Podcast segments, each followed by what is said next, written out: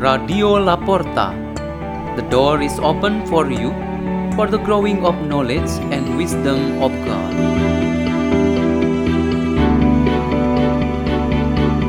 Delivered by Maria Olivia from Christus Raja Paris, Diocese of Surabaya, Indonesia.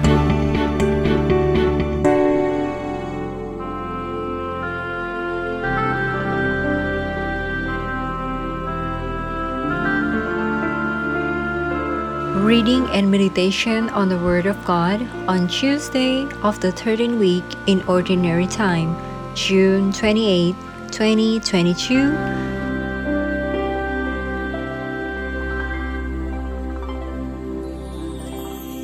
The reading is taken from the Holy Gospel according to Matthew. As Jesus got into a boat, his disciples followed him.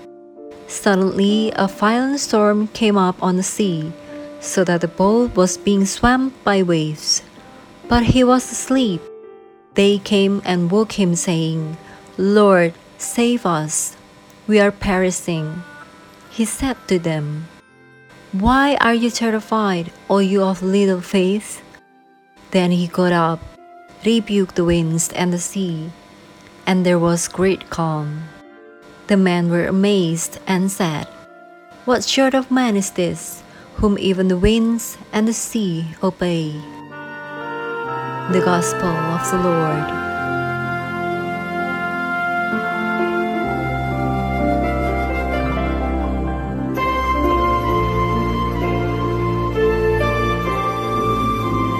The theme for our meditation today is storm. When a person is in distress, a family is facing economic problems, a church hit by disputes between factions among the faithful, and a country is massively destroyed by corruption, these are all examples of storms that hit our human life. All people are affected by damage of their physical, mental, and spiritual lives, just like natural disasters that devastate the life of a particular environment. Various kinds of storms that threaten human life and their environment are natural forces that do not provide comfort and serenity, but rebellion and destruction of life. When nature is calm and beautiful, we are suddenly so fascinated to enjoy it. Nature truly offers a kind of nourishment to our souls so that we become peaceful and joyful.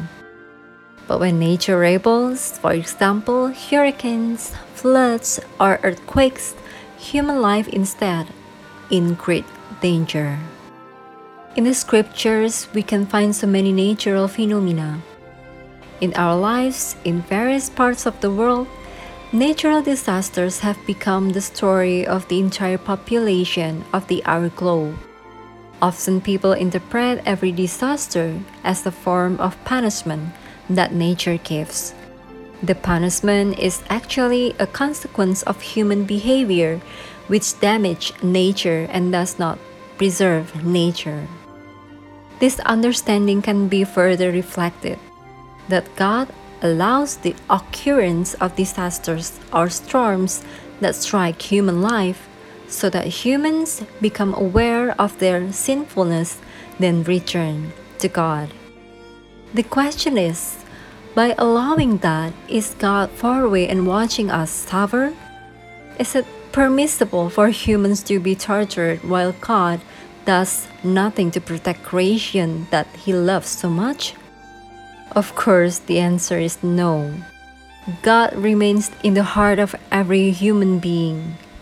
He is in the homes of families, in places where they work, and in all matters of this world.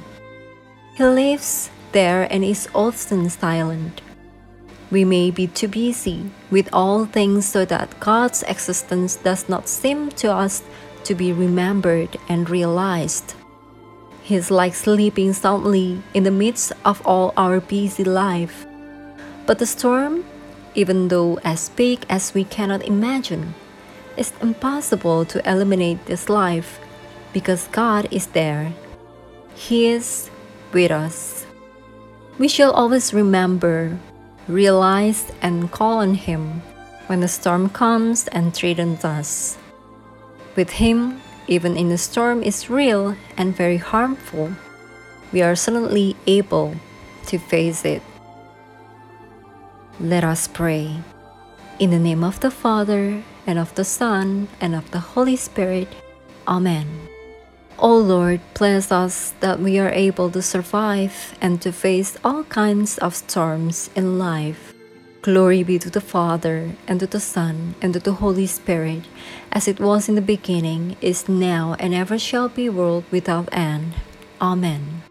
In the name of the Father, and of the Son, and of the Holy Spirit. Amen. Radio La Porta. The door is open for you.